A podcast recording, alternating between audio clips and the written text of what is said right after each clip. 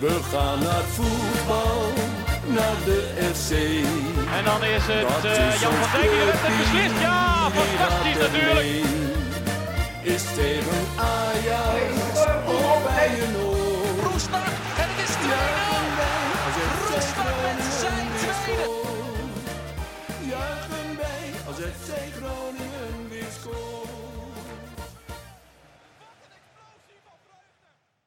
Conforminder de podcast, aflevering nummer 36.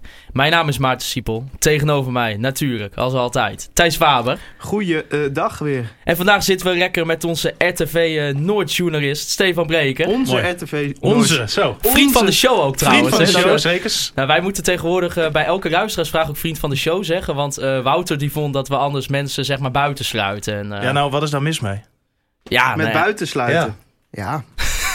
ik heb er ook niet zoveel probleem Nee, mee, maar- Hols wil hier een soort socialistische kliek van gaan maken waar iedereen welkom is. Het is, het is toch geen kleuterklas? Nee, Nee. nou, ik ben, ja, we gaan toch ook niet, zeg maar, als je uitnodigingen voor een verjaardagsfeestje, dat we dat allemaal, dat we dan direct de hele klas moeten Nee, uitnodigen. maar dat moet je het geheim houden tot na het feestje. Ja, ja, ja. Nee, ja. Ik ben er ook gewoon voor. Sommige mensen verdienen het gewoon meer om in ons kliekje te zijn Sommige dan mensen anderen. verdienen gewoon geen uitnodigingen. Die verdienen het ook om dat te weten. Nou, ik ben het hier helemaal mee eens. we hebben dat weer afgerond. Hey, eh, wij kregen een eh, vraag van een collega van jou, eh, Mario Miskovic. En eh, die Oh. vroeg zich eigenlijk af eh, wie een, een beter debuutseizoen heeft gedraaid. Eh, Danny Buis of Stefan Breker? Ja, ik ga niks over mezelf zeggen. Dat vind ik zo'n onzin. ja, Thijs, wat weet jij? Nou ja, ik denk dat Steven wel beter begonnen is dan Buis. Ik kijk, op een gegeven moment kwam er wel dat omslagpunt in het seizoen dat het bij Buis weer beter ging. En dan ging het bij Stefan eh, gestaag door, zeg maar. ja, Dus ik, precies. ik denk uiteindelijk eh, komt het ongeveer op dezelfde lijn uit. Wat is eigenlijk eh, je bizarste moment geweest van het seizoen? Want het is natuurlijk wel eigenlijk een seizoen geweest met eh, ja, veel gedoe. Eh, dat is ook de reden dat wij veel te bespreken hebben gehad hier in deze podcast. Nou ja, het, het was natuurlijk een, een bizar seizoen, joh. Als je kijkt wat er allemaal gebeurd is. Ehm, daar, kunnen we niet omheen. Dat incident met Sergio Pat. Welke? Nou ja, een goede vraag. Maar daar is natuurlijk ontzettend veel om te doen geweest. Dat is iets wat je niet vaak meemaakt. Dus dat was al echt heel bijzonder. Ik weet nog die dag zelf dat ik op de duur contact had met de politie. En ehm, nou, ik zei, ik heb begrepen dat er gisteren een 28-jarige man uit Kopswolde is eh, aangehouden op het eh, station. Want ze geven, zeggen natuurlijk niet wie en zo. Dus dan moet je het op die manier altijd eh, vragen bij, bij politie. En ik zo, hoe, hoe is het daarmee? Ja, zegt die mevrouw, eh, die meneer zit nog vast. Zo, wat? Meen je niet? En nou ja, zo ging die hele dag door. Heeft Noord ook best wel veel eh, kritiek op gehad. Dat we daar ehm, zo over bericht hebben. Maar Maar jullie vrienden van het dagblad waren nog meer de klos qua eh, kritiek. nee, die, die hebben ook veel kritiek gehad. Maar ik vind dat altijd zo schijnheilig. Want ik denk, zoiets gebeurt eigenlijk nooit. Dat een keeper, en op dat moment de derde keeper van Nederland... in de bak zit vanwege een vechtpartij. Ehm, ja, en als wij daar een updateje over hadden, dan eh, bericht je daarover. En ik vind dat eigenlijk heel normaal. En dat zijn ook de consequenties, vind ik, die erbij komen kijken als jij ehm, eh, ja, professioneel voetballer eh, bent. Nou dan dan mm. weet je dat je zo in de publiciteit staat. En als het goed gaat, en als je het heel goed doet, dan sta je ook met je kop in de krant. Eh, nou, ja, dat, dat vond ik in ieder geval een heel bijzonder moment. Daarnaast hebben we natuurlijk best wel wat bijzondere momenten met onze hoofdtrainer mogen meemaken. Ik weet nog dat ik om kwart voor tien een keer eh, op eh, 3 april was het volgens mij gebeld werd door de perschef of ik om 11 uur eh, mij kon melden in het stadion. Dat het zeer belangrijk was dat ik er was. En dat het niet om het ontslag van de trainer ging. Nou, ik heb nog nooit met zoveel tegenzin iemand teruggebeld. Want ik had al drie gemiste oproepen. En het was na die wedstrijd tegen de Graafschap uit mijn hoofd. Thuis, ja. Of Excelsior, een van die twee in ieder geval. En nou, ik had als voornemen om die dag vrij te nemen na die wedstrijd. Dus we waren nog even de skyboxjes ingegaan. Even wat eh, consumpties genuttigd. Daar schijnt onze eindredacteur ook bij geweest te zijn. Die was er ook bij, die was iets eerder weg. Oh, En ehm, nou ja, ik dacht toen, eh, gaan we lekker uitslapen die volgende dag. Tot ik dus drie gemiste oproepen van eh, Richard van Elzakker had. En ehm, toen ik terugbelde, toen had ik nog iets langer dan een uur om mij te melden. Nou, dat is gelukkig allemaal gelukt. Maar dat was natuurlijk ja, ontzettend bijzonder, hè? Dat een, een hoofdtrainer een officiële reprimande krijgt van de directie. Eh, wat ze dan ook nog zo naar buiten ehm, ehm, gaan uiten. Ja, dat, dat vond ik ook wel heel, heel apart. Ja, e- even terugkomend op dat hele Sergio Pat gedoe. Mhm. Eh, ik ben het met jou eens. eh, jullie moest, het is jullie taak als media om dat naar buiten te brengen ook. Ik bedoel, wie anders dan de, de regionale pers om dat naar buiten te brengen. Maar ik denk eh, dat je die kritiek, dat het ook wel deels terecht was. eh, van, omdat, en dan heb ik het zeker over Dagblad. En dat zeg ik niet omdat jij hier toevallig nu zit. Maar dat is gewoon echt het Dagblad. Die had het weken daarna. Ging het nog steeds elke keer maar over Sergio Pat. En ik snap wel dat dat bij mensen in, in, in zeg maar kwaad bloed heeft gezet. Ook omdat er hele columns over kwamen. Zodat ik denk, joh, hè, het is ook wel een keer mooi geweest. Op een gegeven moment, geloof ik, heeft iemand geteld... dat het Dagblad in drie dagen 18 artikelen over Sergio. Nou, dat is wel veel. Ja, ik, ik zal niet Kijk, ontkennen dat, dat dat veel is. Als, hij, maar als hij nou met de Kalashnikov eh, op de grote markt in het rond ga- was gaan schieten... dan had ik het maar had je het wel terecht gevonden als de burgemeester of eh, nou, weet ik veel, iemand anders in zo'n soort functie die dan niks met voetbal te maken zou hebben? Ja, die zou ook zo zijn aangepakt. Ja, nou, ik, ik vraag het me af hoor. De vraag, nou, die zou ook hard zijn aangepakt... maar niet op het niveau waarop het op een gegeven moment over Sergio Pat zelfs... Nee, denk je Volgens niet? Nou, je hebt toen natuurlijk dat incident gehad... dat ze hem ook nog de, de topper van het jaar hadden genoemd of zo. Terwijl in... Ja, nou, maar de kijk, die eerste- rubriek die stond waarschijnlijk al gewoon vast. Dat dat zou gaan gebeuren. Ja. En moet je dan niet Sergio Pat daarvoor gaan benoemen? Als hij gewoon, nou ja, hé, ik ga niet zeggen of hij de juiste keuze was voor die prijs, want daar ga ik helemaal niet over. Maar als zij vinden dat hij dat moet zijn, moet je dat dan niet doen omdat je daarvoor al een aantal artikelen aan hem gewijd hebt. Nee, Ja. dat, dat, dat is niet wat ik bedoel te zeggen. Ik bedoel te zeggen dat ehm, het...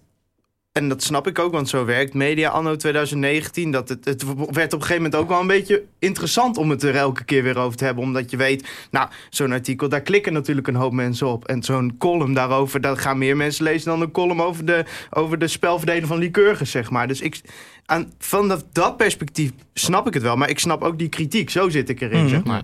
Ik sta een beetje in het midden. Ja. Nou als, als ik hè, puur naar mezelf kijk, wat ik zelf eh, gepubliceerd heb, dat zijn eigenlijk alleen maar. Hè, ik heb een interview met eh, Sergio toen eh, opgenomen nadat het, dat hij, dat hij, die op die maandagavond was dat volgens mij. Ehm, ik heb overdag, die maandag zelf, continu de updates eh, bericht over dat hij nog vast zat, dat hij vrij was gelaten. Statement van de club heb ik gepubliceerd en daarnaast heb ik het volgens mij redelijk rustig gehouden. Ik heb geen column erover geschreven of iets dergelijks. Ehm, maar ja, dat, dat dat veel aandacht heeft gekregen, ja, ik vind het niet meer dan terecht eigenlijk. Ja, maar de- de- ja, oké, je hebt veel aandacht en je hebt gewoon dat het eigenlijk gewoon drie dagen nergens anders over gaat. Dus Ja, zo interessant vond ik het ook maar niet. Maar nou goed, ja, de, de derde Ach, keeper ja. van Nederland die ehm, in de cel zit vanwege een vechtpartij. En je kan dan zeggen het is een hè, incident, maar iedereen weet natuurlijk ehm, wat voor geschiedenis eh, hij heeft. eh, in hoeverre hij professioneel met zijn sport bezig is. Eh, heeft iedereen altijd zijn mond over gehouden. Is nooit echt over geschreven in de media. Maar het is natuurlijk al heel lang bekend dat Sergio Pat. ehm, nou ja, of, of het echt een probleem is, eh, wil ik niet zeggen. Maar iets te vaak in eh, de stad te vinden is. Ja. ja, ja, dat, dat kan een Dat probleem speelt zijn. natuurlijk maar ja, allemaal mee. Is dat aan de media of aan de club om hem daarvoor te straffen? Nou ja, als de club het heeft niet doet. De club heeft hem toch niet gestraft? Nee, nee uiteindelijk niet. Nou, ja, ze Nee. hebben zijn aanvoerdersband afgepakt. Maar... Nou ja, dat heeft hij. eh, is dan weer zo gecommuniceerd natuurlijk dat hij dat zelf heeft ingeleverd. ja, Ja. Nou ja, ja. ja. En ja, de, de waarheid zal eh, in het midden liggen, denk ik. Vast en zeker. Laten we even Het gaan- gaat nu al. Ja, Ja. we- we- eigenlijk zijn we nu het, aan het doen waar we onszelf weer tegen verzetten. Dus dat we gewoon alleen maar Sergio praten. Pat hebben. Ja, Nou ja, we- Maarten vraagt naar het meest memorabele Ja. en hè, bijzonder moment natuurlijk van het jaar. Ja, nou, en we kunnen er niet, niet, seizoensterugblik komt niet, er nog aan. hè, maar- niet omheen. Als we zijn nu natuurlijk Nee. al een beetje aan het terugblikken op het seizoen. Ja, dat dit natuurlijk wel een hele grote rol heeft gespeeld Tuurlijk, bij tuurlijk. FC Groningen. Zeker. Hè, daar kan je... Ja, dat, dat is Niet omheen. Nee, Nee. daar kan je niet omheen. Ja, ik had ook gehoopt dat we vandaag nog een eh, voorbeschouwing zouden kunnen doen voor een, eh, voor een wedstrijd in de play-off finale tegen FC Utrecht. Ja, maar, en eh, twee nabeschouwingen. Ja, maar dat werd hem helaas niet, want het ging even fout. Af vorige week, namelijk te- tegen Vitesse uit. eh 3-1, doelpunt door Martin Eudegaard, twee man met tas en nog wel Kai Sierhuis in de 81ste minuut. Thijs, eerst even over de away day, want eh, wij zijn lekker naar Apeldoorn geweest. Ja, wij zijn eh, voor de wedstrijd zijn we even in Apeldoorn geweest met eh, onze enorme groep, het Front Anti-Combi Groningen. Dat is een- als statement tegen de autocombi hebben wij met grote getalen de binnenstad van Maar, maar Apeldoorn. kan je me eens, eh, voor, voordat je verder gaat, toch Mhm. even eh, uitleggen. Eh, hè, want ik heb vroeger ook veel wedstrijden in het uitvak en zo bezocht. Ja. Ehm, waarom was er nu in godsnaam een autocombi weer voor dat Vitesse? Wat, wat is dat Eh, voor nou, Vitesse Alle clubs hadden met elkaar afgesproken, we gaan gewoon eigen vervoer doen. Dat betekent omwisselen bij het stadion. En toen heeft Vitesse gezegd, nou wij niet, wij geven een autocombi. Ja, waarom? Ja, dat is met Ah. een heleboel van die regelingen zo. De combi wordt uitgedeeld, maar de reden erachter, nee. Ja, omdat wij het zeggen. Zo gaat het echt. Hm. Het is altijd eigenlijk ook weer hetzelfde gedoe. Want dan vervolgens kwamen we daar ook weer bij dat tankstation. En dan ja, ben je er eigenlijk ook weer binnen een Ja. minuut weg. Want je krijgt gewoon een reden parkeerkaart. En dan kan je gewoon weer door naar het stadion. eh. Ja, was weer is- lekker het is geregeld. echt, eh, het is, daarom eh, hebben wij ook voor de grap als statement tegen die combi, zeg maar, in Apeldoorn eh, gezeten. Ja, weet je, niemand het ligt daar wakker van. Maar het is wel grappig. We hebben toen op Twitter een beetje lopen stoken van het loopt uit de hand in Al Apeldoorn. En eh, het, het was een beetje de bedoeling om een beetje paniek te zijn. Want het, ook gewoon om aan te tonen dat het gewoon helemaal nergens op slaat. Want je mag dan niet de binnenstad van Arnhem in. Maar als je naar Arnhem rijdt, krijg je eerst Zwolle, Apeldoorn. Krijg je allemaal nog. Nou, daar kun je ook de binnenstad Ah, in. ik, ik, word, er- ik word er zo moe van. Hè. Ik ging vroeger dus ook altijd met een grote vriendengroep. Nou, eh, een van de jongens is nu eh, arts, weet je wel. Ja. Een hele intelligente gast. Eh, jullie studeren ook allebei, zijn ook geen domme gasten. Jullie gaan ook niet zomaar even iemand neerhoeken... Nee. omdat hij een shirtje van Vitesse aan heeft. Nee. Ik denk, joh, ga mensen nou gewoon eens bestraffen... op het moment dat ze iets flikken. Ja, Dan heb ik er echt geen moeite mee hoor. Dat je keihard wordt aangepakt en dat je jaren het stadion niet meer inkomt. Want dat agressieve gedrag, ehm, waarom zij zo'n combi om, opleggen natuurlijk, dat eh, slaat eigenlijk eh, nergens op. Hè. Dat vind ik inderdaad, dat hoor je niet te doen. Maar houd toch eens op joh. Mensen die gewoon lekker een potje voetbal willen kijken, een dagje uit willen, een gezellige dag willen hebben met een groep vrienden. Om de hele tijd die combi's. En dat Nou, op het Ja. moment dat jij eh, een kaartje wil kopen, word je al eh, gecriminaliseerd. Dan word je, ja. Nee, maar dan, dan is het meteen, oh, dat is meteen een Nou, rad. ik heb een keer. het is puur preventief allemaal ook. Hè? Ja, En ik heb het een wat? keer, een keer meegemaakt. Toen ging ik naar ehm, Willem II uit. Nou, toen is een vriend van me daar opgepakt. Wij hadden kaartjes gekocht voor het thuisvak. Het was vrije verkoop. Dus wij gewoon hier in Groningen naar de Primera. Kaartjes gekocht voor het familievak. Met een groep of, nou ik denk met een mannetje van 10, 15. Wij zitten daar in dat familievak. Gezellig te kletsen met iedereen. Hè, met de vaders en de kinderen die voor ons zitten. Op de duur, eh, ja, dat is misschien niet zo slim. Pakt die man de Groningen sjaaltje, doet hem rustig om zijn nek. Willem II scoort de 1-0, want toen verloren we daar nog altijd. Wij ehm, feliciteren de mensen die voor ons zitten. Nou, mooi doelpunt. Waarschijnlijk krijgen jullie nog wel een paar goals. En op dat moment kijken we naar rechts. En er staan, ik weet niet hoeveel agenten die ons allemaal eh, die, dirigeren om het stadion te verlaten. Die vriend van mij die zegt van, ehm, nou ja, wa- waarom? Want ik heb een geldig toegangsbewijs. Die mocht ik gewoon kopen, want het was vrije verkoop. Zegt die agent, ik vorder jou nu het stadion te verlaten. Hij zei, prima. Het enige wat ik vraag is of je me even kan uitleggen waarom. Want je bent natuurlijk helemaal naar Tilburg afgereisd. En als je dan Ja. vijf minuten voetbal alweer buiten staat, denk je ook van eh, waarom. Die agent die zegt nog een keer, ik vorder jou nu om het stadion te verlaten. Nou, toen vroeg hij het nog een keer en voordat hij het wist zat hij achter in de politieauto. en als die agent gewoon had gezegd, jongens, jullie worden nu naar het eh, uitvak gebracht. Want dat was het geval. Had hij gezegd, prima, dan loop ik nu met je mee. Ja, En uiteindelijk heb- ben ik dus eh, met hem meegegaan. eh, maanden later of weken later, ik weet niet eens meer precies hoeveel tijd. Dus naar de rechtbank in Den Bosch. Met nog wat jongens die erbij waren. En is hij uiteindelijk gelukkig voor hem vrijgesproken. Want er hing hem dus een eh, stadionbod van een aantal jaar boven het hoofd. ja. En er hing hem een boete volgens mij van 1200 euro Zo. eh, ja boven het het, is, hoofd. de angst Ja. regeert. Dat is het probleem. De En, angst regeert. ehm, ik heb zoiets van, joh, pak mensen aan die wat doen. En houd er eens op ehm, goedwillende mensen die gewoon lekker een potje voetbal willen kijken, continu eh, ja, dat is het. aan te pakken. En, soms is het nodig hoor, snap ik echt wel. Maar Nou ja, Ja, gelukkig, niet. gelukkig in het afgelopen weekend ook bij eh, Ajax onder 19 tegen Feyenoord onder 19 ook helemaal goed. Dus, ja, eh, nou, en woensdag is, eh, dat is overmorgen eh, op het moment van spreken, speelt Ajax onder 19 een bekerfinale. Toevallig in ons stadion.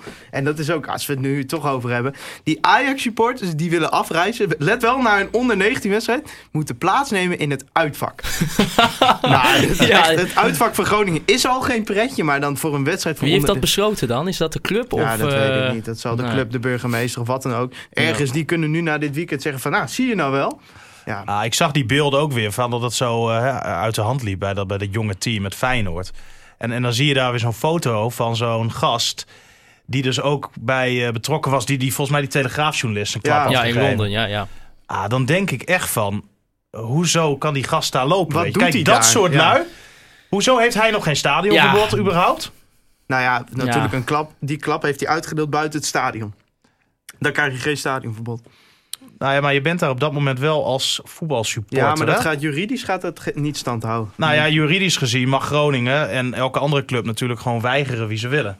Dat is zo, Het is maar, hun huis. maar een stadionverbod geldt dan niet. Dus Nou, als jij een stadionverbod eh, wil opleggen als Groningen zijnde, heb je daar geen eh, juridische dingen echt voor nodig volgens mij.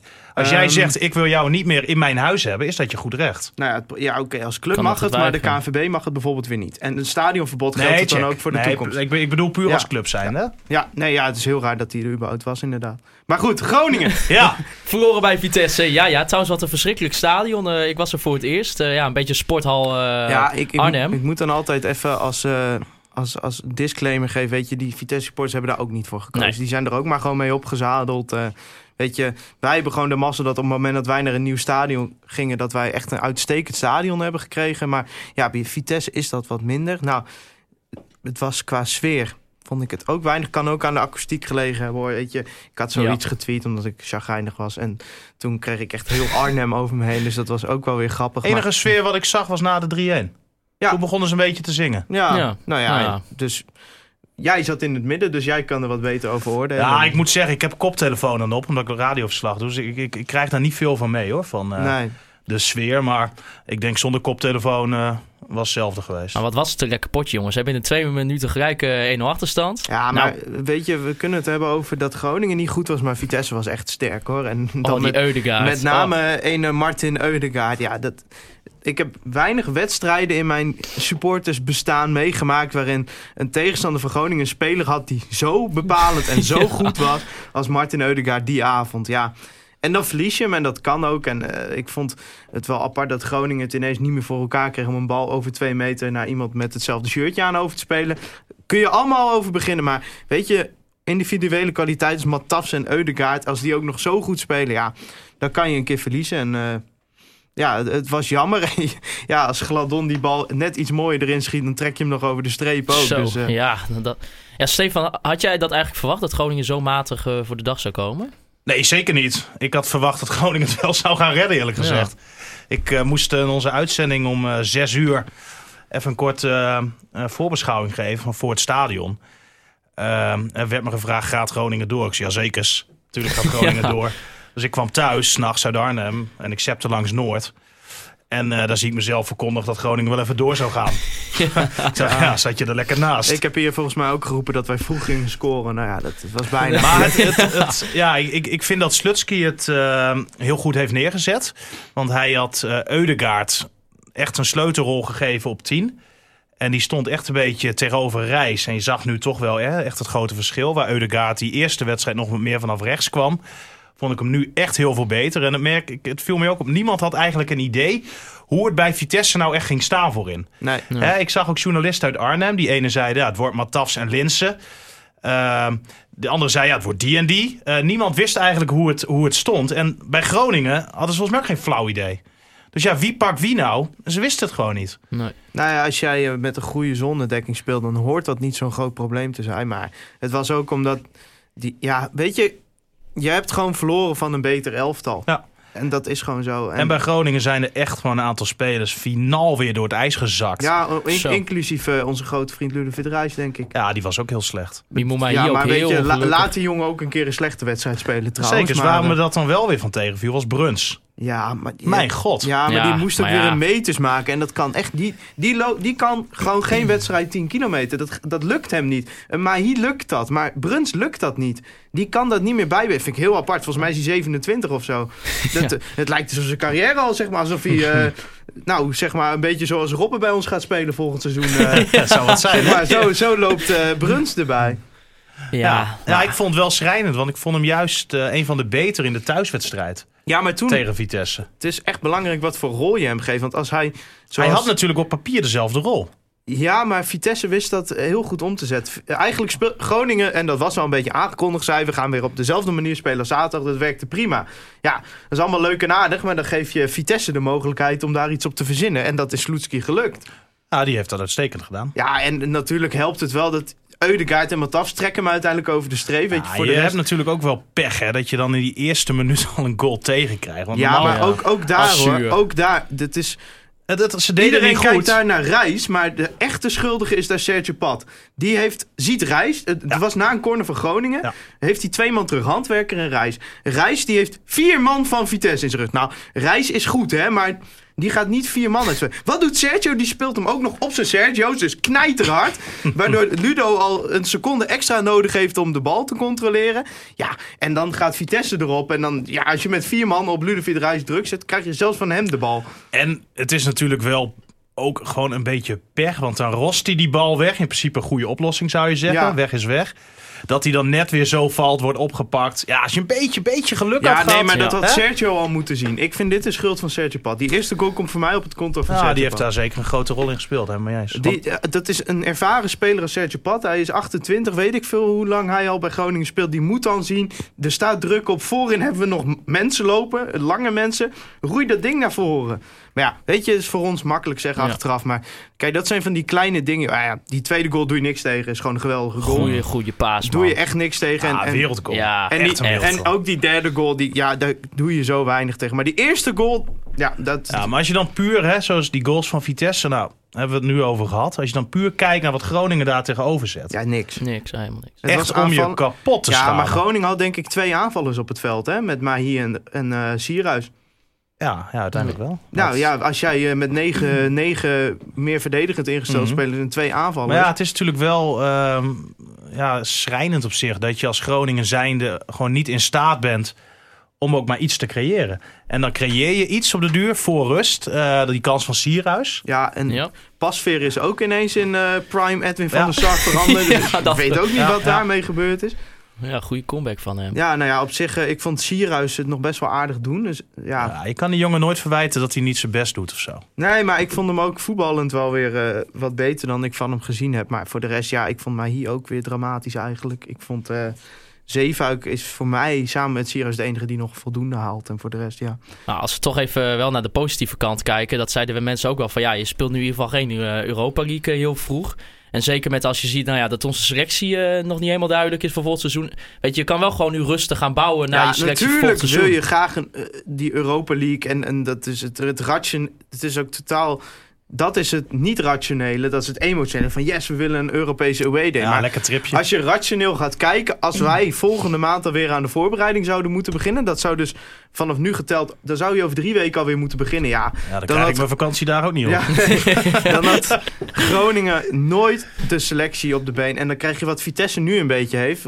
Ik hoorde Brian Lins zeggen dat ze geen hamstrings meer over hebben. Nee. En dat snap ik ook wel een beetje. Kijk hoe vroeg die gasten zijn begonnen. En die zijn nog steeds bezig. Mocht Vitesse weer winnen, mogen zij ook over drie weken. Ja, natuurlijk wil ik Europa in. Maar ja, ik denk in de huidige positie, met de huidige exodus binnen de club, dat het fijn is dat we eventjes tot begin augustus rust hebben. Ja, nu kwam eh, de Telegraaf ook met een, eh, met een groot artikel. De bom barst in de bus eh, Ja. bij FC Groningen. Er, zal, eh, er zou na de wedstrijd een, een knokpartij hebben plaatsgevonden in de, in de spacebus tussen onder, ja, eigenlijk Sergio Pat en Bel Hassani eh, over en weer. Ja, wat hoorde jij daar eigenlijk van, eh, Stefan? Nou, dat het wel iets genuanceerder lag dan eh, wat er in de Telegraaf stond. Verbaast me niks. Je moet ook, Ja. Maar dat, er is zeker wel iets voorgevallen.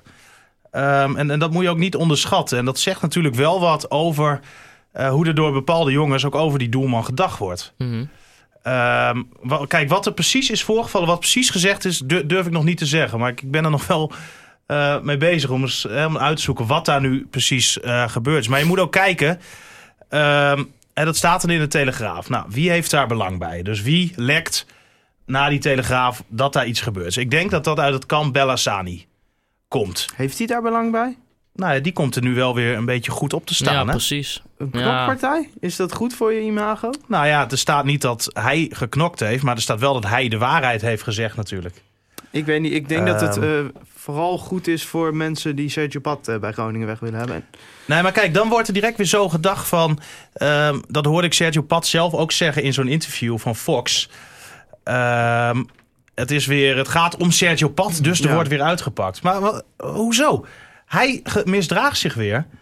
Ehm, dus wordt daarover ja, geschreven. maar, maar, eh, maar ik, ik, ik was Als het... toch een andere speler dit gedaan had, was het toch ook over geschreven? Nou, ik ben het wel enigszins met hem eens. Want ik heb een beetje het gevoel, nou bij Telegraaf eh, is het eh, de minutie tegen Erik ten Hag is op. Dus ze zullen met wat nieuws moeten komen. Nee, dan zo, zo gebeurt is- er- dat vind ik te makkelijk Ja, maar er gebeurt een incident. Dat gebeurt bij na elke nederlaag. Nou, natuurlijk, iedereen wil die, play-offs wel winnen. Weet je, al die spelers willen Europa Oké, winnen. Dus maar, maar jij doet ook dingen hè, met journalistiek.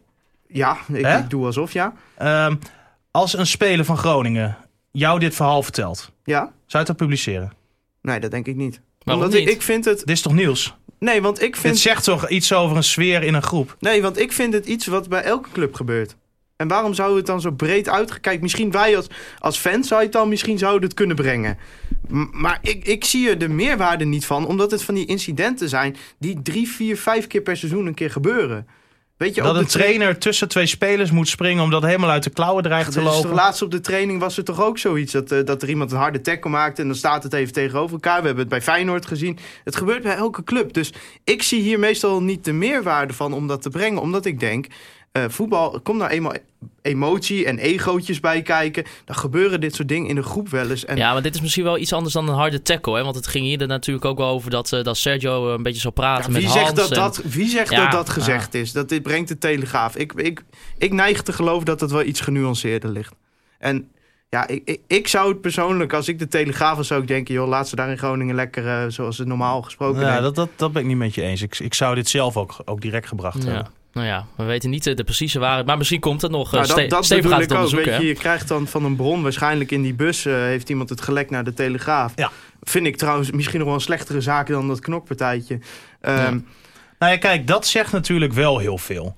Op het moment hè, dat zoiets gebeurt, hè, jij zegt terecht van dat dat gebeurt vaker, dit soort dingen. Maar als dat in die groep, hè, je zegt hoort erbij, hè, vijf, zes keer per jaar.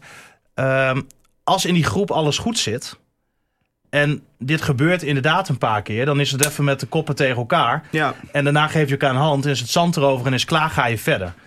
Blijkbaar zit het dan toch iets minder goed bij sommigen ja. dat ze het nodig vinden om dit te gaan lekken. Maar- en, en dat zegt natuurlijk wel wat. Weet je, het is ook gewoon... We kunnen het over Sergio Pat zijn naam hebben, maar het is... Weet Nee, je, maar het gaat nou niet om wie, Ja, maar- maar Ilias Belhassani is ook waar die komt zijn problemen. Dat is bij Heracles, bij Sparta, bij, eh, bij AZ en nu dus ook bij Groningen. Ik, eh, een eh Heracles vriend van ons, die zei ook meteen... Oh, dit is typisch Ilias. Jongens, tijd voor de stelling. De stellingen. De stellingen. We hebben, we, hebben, we, hebben, nog- we hebben een gast. ja, ja. Het is Nivino Geertsma van de RTV Van de koffiecorner. Van de koffiecorner. Ja, ja. en Edwin op Noord, ochtends. Waar niemand eh, ligt. Als iedereen nog slaapt, dan zou je radio aan maken. Kom je doen, Nino? Ja, ik kom even kijken, maar ik zei ik zou me even stilhouden, maar ja. Nou ja, je bent nu gehoord. ja, je, st- je staat weer op. Door had ik toch een quiz moeten voorbereiden? Hey, laten we het even over de transfers gaan hebben, jongens. Want eh, ja, er begint natuurlijk ook weer eh, langzamerhand. Ja, Ludovic Reis. Het is natuurlijk een groot uitgepakt afgelopen week. Eh, daar gaan we denk ik straks nog even over hebben thuis. Eh, die tekent eh, ja, zijn contract bij Barcelona. Eh, drie jaar met een optie voor nog twee jaar. FC Groningen ontvangt eh, rond de 3,25 miljoen euro. Ehm, vind je dat een oké bedrag, Stefan? Ja, er eh, wordt gegarandeerd meer betaald, zei eh, Nijland nog. Dus ik, ik denk dat dat bedrag zeker wel, wel hoger ligt. Ehm, ik, ik vind op zich een, een, een mooi bedrag voor, eh, voor de jongen. 18 jaar, één seizoen achter de rug. Vraag is natuurlijk maar hoe die ontwikkeling zich eh, blijft voortzetten. Ik snap ook dat hij daar heel graag naartoe wil. Of het verstandig is, dat zal blijken. Maar ja, als Barcelona belt, dan eh, snap ik dat je als jonge gast eh, zoiets hebt van... nou, daar wil ik toch wel eens eh, naartoe. En dan zal het daarnaast nog zijn als hij zijn debuut maakt in het eerste... Eh, als hij misschien Europa Cup speelt, iets met de Champions League, als Barcelona kampioen wordt, zijn allemaal bonussen wat er nog bovenop kan komen. Dus dat bedrag kan zeker nog wel eens eh, gaan oplopen. Het is een doorverkoopclausule. Eh, dus ja, ik, ik, ik, ik vind het op zich een, een, een prima en ook wel realistisch bedrag. Nu lijkt wel natuurlijk ook eh, weinig. ja? Ja, ik, ik vind het basisbedrag laag. Ehm, ik, ik kan me er wel in vinden dat inderdaad met bonusconstructies kan het gaan oplopen, eh, et cetera, et cetera. Maar uiteindelijk, als je er van, zeg maar, vanuit een metaperspectief naar gaat kijken, verkoop je je grootste talent aan de rijkste club ter wereld voor 3,25 miljoen euro. Dat is in de huidige markt niet krankzinnig veel geld. Nee, dat is zeker waar. En we hebben het hier over een club met een omzet van weet ik veel hoeveel miljoen. Dus nou ja, ik, ik, ik zou persoonlijk met 3,25 miljoen niet zo blij zijn als Groningen doet voorkomen, zeg maar. Nee. Want laten we daar ook even over hebben. Ja, ja, het begon al met de aankondiging van Groningen op Twitter. Nou, daar werd ik echt direct mottig in de botten van. Dat, eh, echt met zo'n hartje erbij, Ja, met zo'n Ja. hartjes emotie. Ja. verkocht aan. Barcelona. Yes. Ja, maar wat... En nou, vervolgens die persconferentie kunnen we het ook over hebben. Dat vind ik ook het reinste zelfpijperij vooral. Kunnen ze Ja. dan kunnen we trouwens ook wel gelijk zeggen dat de club eh, deze week de Pidon Ja, van de week is. gefeliciteerd. Hoef ik de Ja. jingle er ook niet in te doen.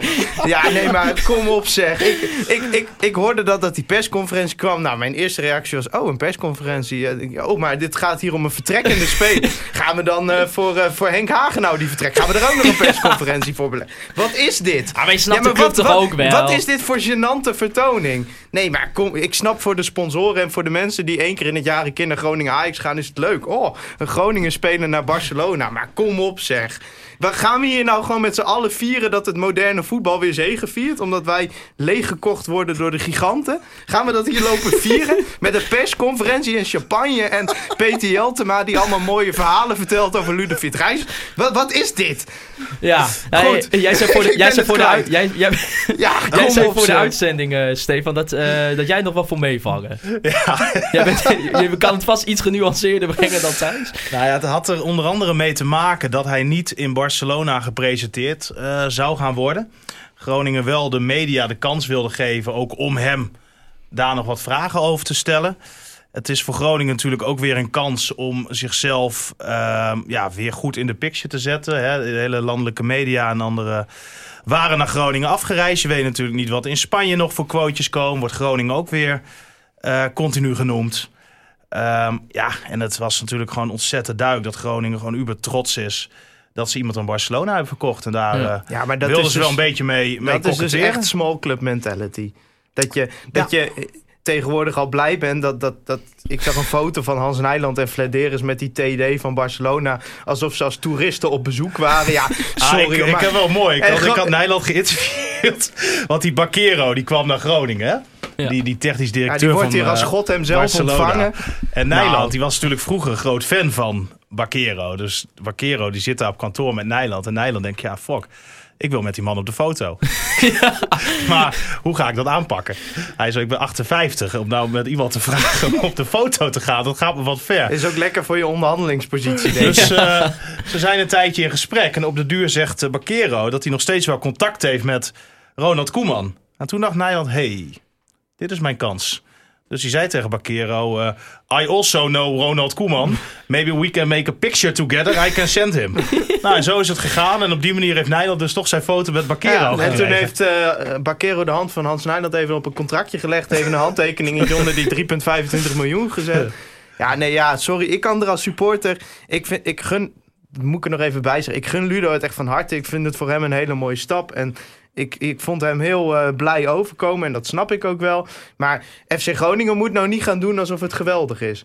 Nee, maar wat had je- ten, ten eerste, het is niet FC Barcelona. Het is FC Barcelona B. Het is het, het FC Barcelona social media account, alles.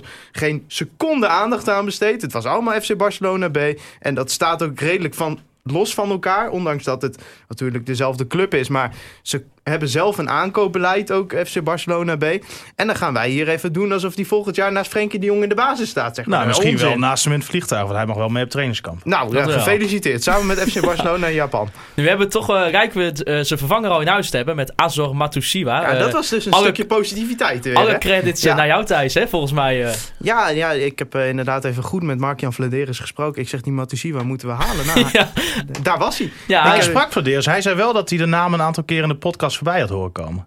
Ja, dat kan ook, want dat hebben we hier ongeveer 1800 Nee, keer. Ja, dat weet ik. ja, de Thijs, eh, noem dan maar namen, want Ja, blijkbaar luisteren ze. Schouten is voor mij de volgende. Dus bij deze, Jerdy Schouten, Jerdy Schouten, Jerdy Schouten. Ja, eh, Rick, eh, ja, Rick al zelf eh, ook blij te zijn met de overeenkomst. Eh, ja, nou ja, het moet nog officieel worden aangekondigd natu- natuurlijk. club. ja, ja, maar dat lachje verraden veel, vond ik bij eh, Fox.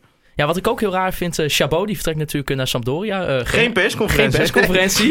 Bizar. Gra- Grage, Jeff, eh, slingers, champagne. Maar wel een prachtige transfer. ja, Sampdoria, daar zijn Ja, we ik, zo vond het, trots op. ik vond het wel bijzonder, want ik zag hem eh, zitten in eh, Arnhem.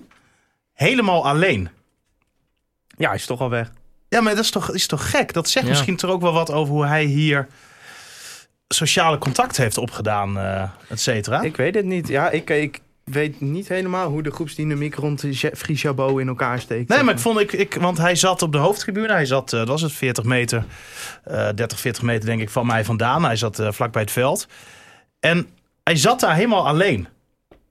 Ja, viel me op. Ja. Viel me op. Ja, misschien was zijn vriendin ziek. Dat kan, hè? Ja, Gladon trouwens, die vriendin moet je eens opzoeken. Zo. Eh, Stefan is een beetje, volgens mij, eh, heeft vakantie, een obsessie voor de vriendin van eh, Paul Gradon. Nou, dat valt ook wel mee. Ga jij dan, ga jij dan, een, ga jij dan, een, Oh, Jannik Pol ik heeft ook een mooie. ga jij dan eh, een tatoeage van de vriendin van Gladon nemen? Dan neem ik een tatoeage van Gladon zelf.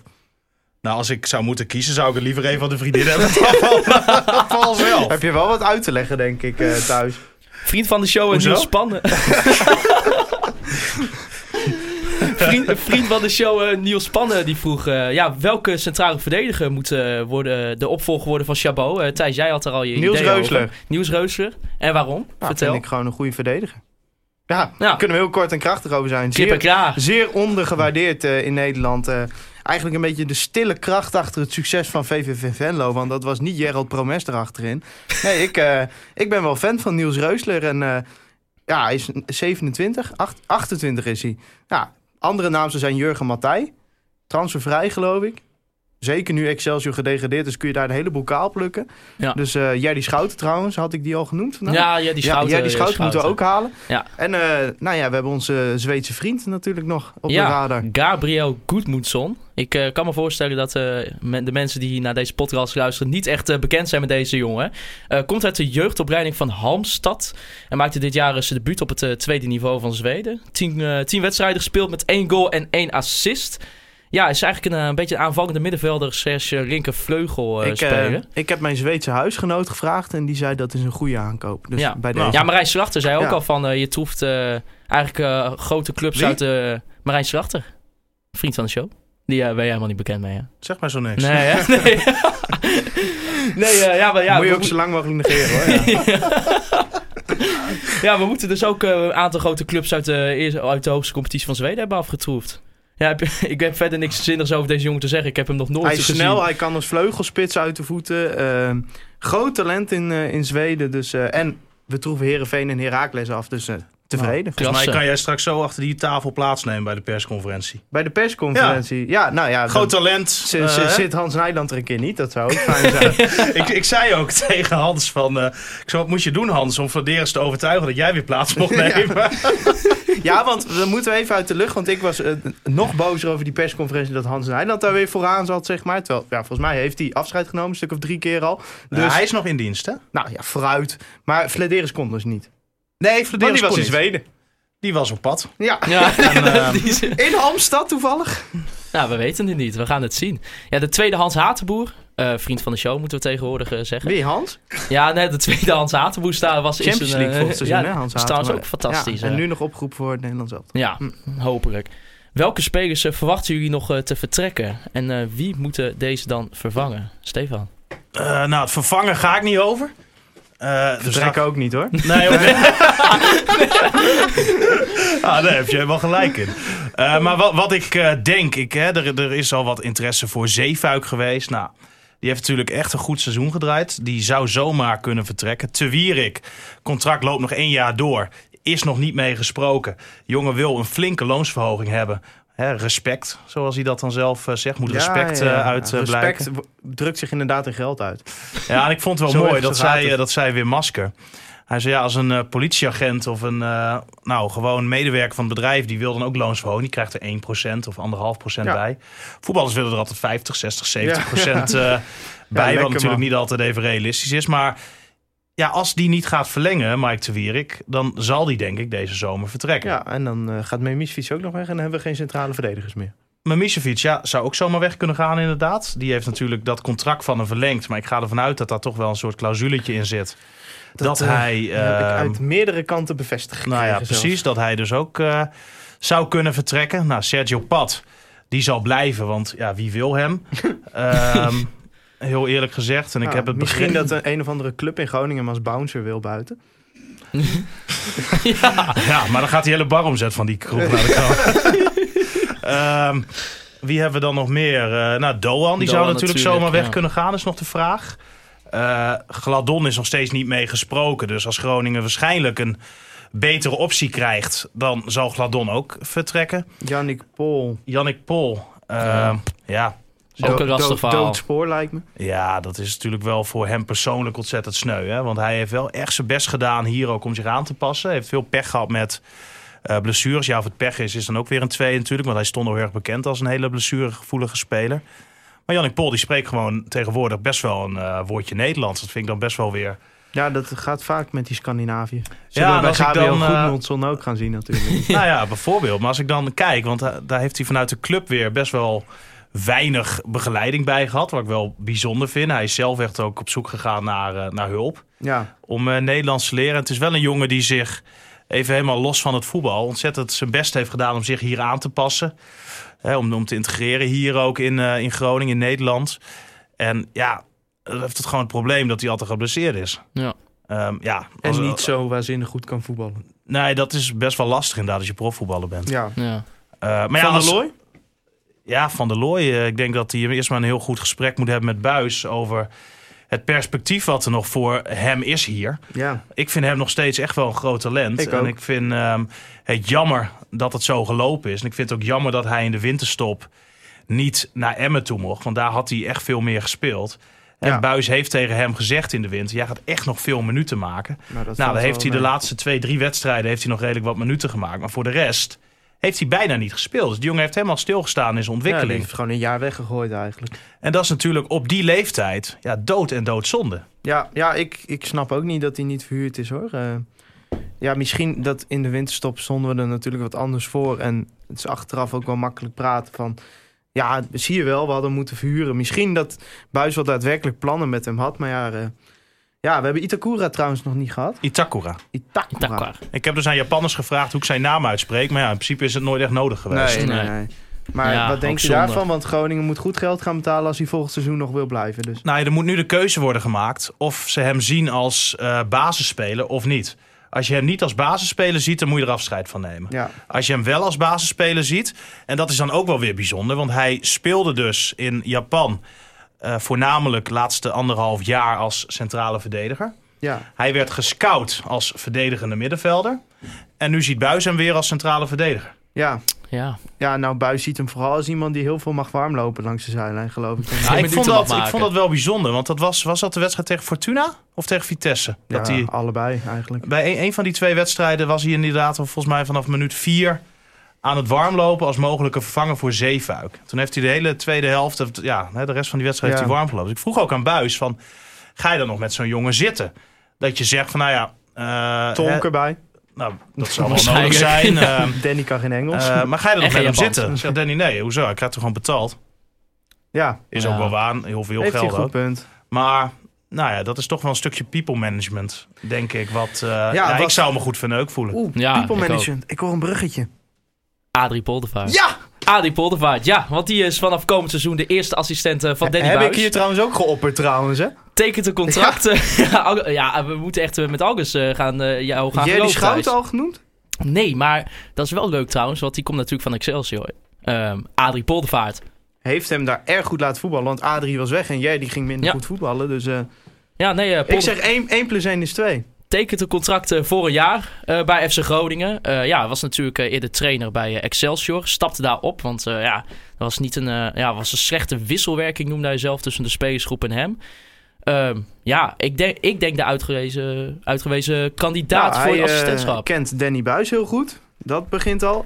Ze hebben ook regelmatig de waardering voor elkaar uitgesproken. En eh, ik denk dat Adrie Poldervaart Danny aardig kan bijstaan in iets waar Danny niet zo goed in is gebleken. En dat is wat je een team in balbezit laat doen. En daar is Adrie juist wel weer heel goed in. Dus ik denk dat het aardig complementair aan elkaar is. En ik denk dat het gewoon een hele prettige man ook is om erbij te hebben. Als ik zo zie, wel altijd. Vind jij het ook de, de juiste optie, eh, Stefan? Ja, dat moet blijken. Ja. Ik vind het moeilijk om daar nu al echt iets over te zeggen. Ik zou nu, hè, voor nu ben ik zeker eh, positief. En dat heeft er eigenlijk mee te maken hoe hij altijd in de media overkwam, Poldervaart. Ik ken hem zelf nog niet zo goed. Ik heb hem wel op, eh, ging ik even terugzoeken, 7 mei eh, belde ik. Omdat ik inderdaad geruchten hoorde dat hij wel eens een nieuwe assistent kon gaan worden. En op dat moment eh, wist hij zelf nog van niks, zei hij. Gaf hij wel aan dat hij eh, in Groningen op visite was geweest, al op uitnodiging van Buis. Maar hij zei ja, dat was meer om mezelf een beetje bezig te houden. Ik ben ook op visite geweest bij AZ, bij PSV, bij Oranje onder 17. En dat heeft niet direct wat te maken met een eh, aanstelling. Nou, toen ik hem begin vorige week weer probeerde te bellen, nam die niet op. Ja. En toen ik hem eh, belde nadat het nieuws bekend was geworden, nam hij direct op en noemde hij mijn naam. Dus waarschijnlijk had hij mijn nummer opgeslagen en dacht van, Ja. die nemen we nu maar even niet. Ehm, maar hoe die toen ook op mij eh, overkwam, ehm, ja, prima kerel eigenlijk. En ehm, gewoon een no-nonsense eh, persoon. Ehm, dus ja, voor nu kan ik eigenlijk alleen maar positief zijn. Ja.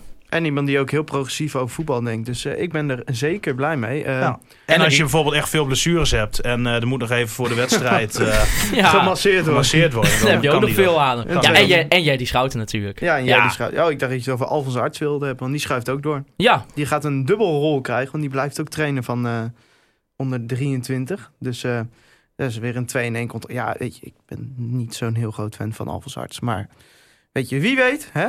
En, hij eh, zal ja. niet zomaar aangesteld zijn, want eh, als je ziet wat voor procedure er bij Poldervaart aan te pas is gekomen. Extern bureau ingeschakeld. Extern bureau, en daar kwam ja, dat extern bureau schijn ik geweest te zijn. Hè? Dat is de, pod- de podcast hebben we geluisterd. mag je, mag Ah, je die dat wel vertellen volgens de contracten? Of, eh? Ik mag alles. Oké. Volledig transparante volksclub FC Groningen. Precies. ja.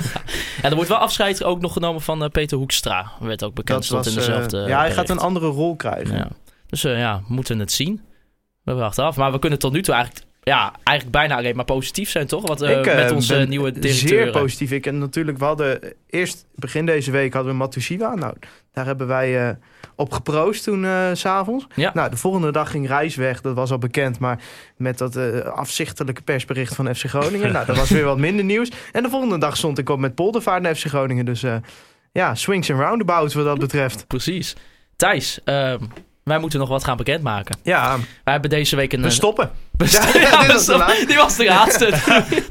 we hebben een schaal binnengekregen, Thijs, Ja. bij Oog. Ehm, De conformender speler van het jaarschaal. ja, daar begon het na, denk ik, eh, een maandje geleden mee. eh, gingen de stembussen eh, ja, gingen En open. massaal gestemd. Massaal gestemd. Hoeveel Ehm, dan? Hoeveel stemmen? Eh, 300 of zo. Zo.